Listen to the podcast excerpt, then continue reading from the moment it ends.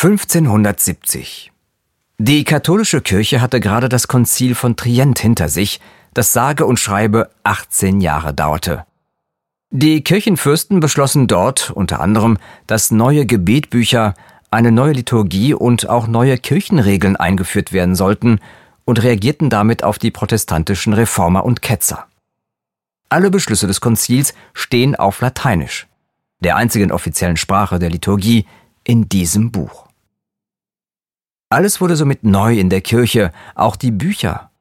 Plantin erhielt den Vertrag für den Druck der liturgischen Bücher für die Niederlande und Spanien.